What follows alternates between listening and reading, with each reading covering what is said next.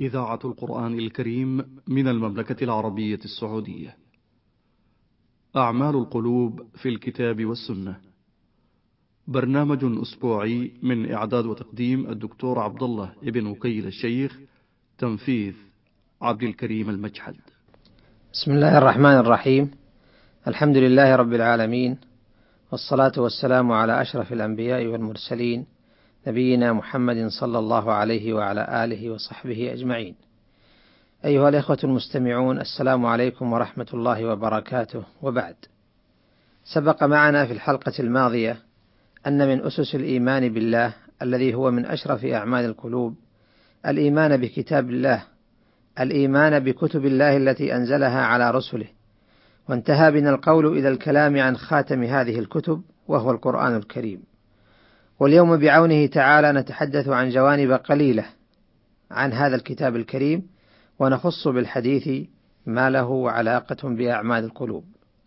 فالقرآن الكريم كلام الباري سبحانه أوحاه إلى نبيه صلى الله عليه وسلم ليهدي الناس إلى الحق. كما قال تعالى وإنه لتنزيل رب العالمين.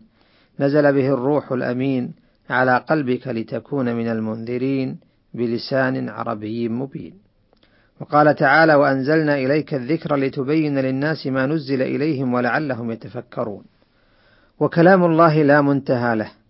وصف الله عز وجل سعة كلامه بأبلغ وصف حين قال ولو أن ما في الأرض من شجرة أقلام والبحر يمده من بعده سبعة أبحر سبعة أبحر ما نفدت كلمات الله إن الله عزيز حكيم. فلو أن الله جعل البحار العظيمة التي خلقها حبرا تكتب به كلمات الله والأشجار التي خلقها أقلاما تكتب به تلك الكلمات لنفدت البحور وفنيت الأقلام ولم تصل إلى منتهى كلامه سبحانه وتعالى. وكذلك القرآن العظيم لو تأمل الخلق ما تأملوا في عجائبه وعلومه لفنيت أعمارهم دون أن يصلوا إلى منتهى ما دل عليه من العلم. وانظر ما كتب أهل العلم في التفسير وفي علوم القرآن المختلفة إلى يومنا هذا تجد عجبا ثم يأتي من يستخرج من دقائق المعاني القرآنية ما خفي على الأولين. إن هذا النبع المتدفق الدائم من علوم الكتاب العزيز يغري القلب بالعكوف عليه تدبرا وتأملا واسترشادا وكلما كان القلب أنقى كان انتفاعه بالمعاني واكتشافه للحقائق أتم وأبقى.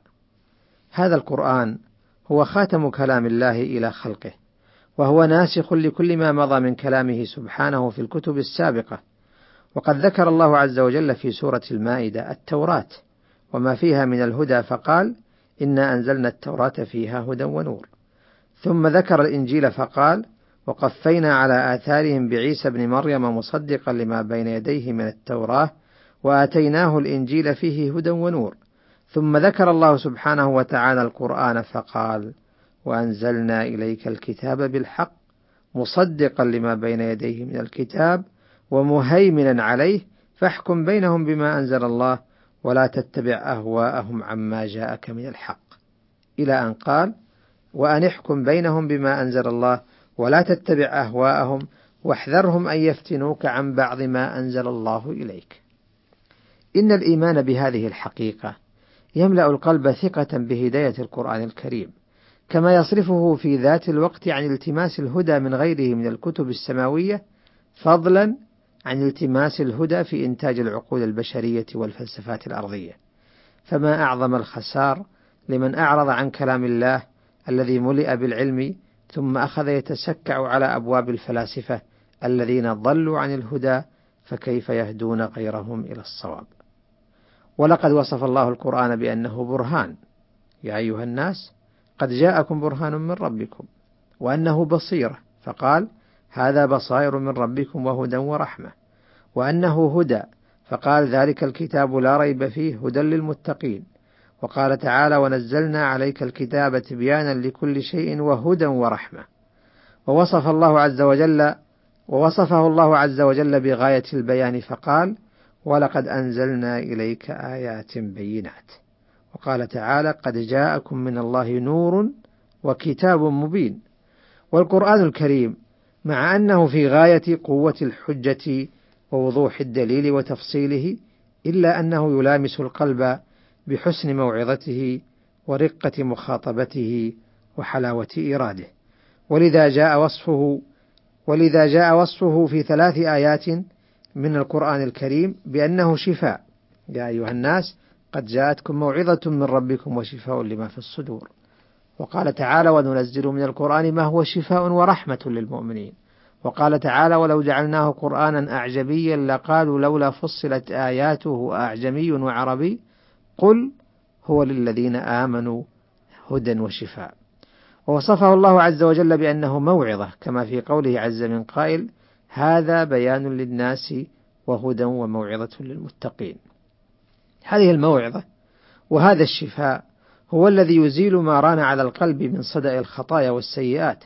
وكم من آية كشفت عن القلب هذه الغشاوة العارضة فعاد يبصر الحق الذي تركه دهرا فأصبح بعد هذا السماع من خيار عباد الله وأتقاهم له. ومن هنا كان حقا على من أراد لقلبه حياة من موت الغفلات والسيئات. ولمن أراد لقلبه شفاء من علل الشهوات والشبهات أن يديم تلاوة كتاب الله ويسرح عقله في مواعظه ووصاياه ويتقلب بين زواجره وقوارعه ومبشراته ورجائه أولئك هم السعداء الذين يتمتعون بعافية الإيمان ويستلذون بنشاط التقوى ولا غرو حينئذ أن يطعموا للحياة طعما لا يجده الآخرون.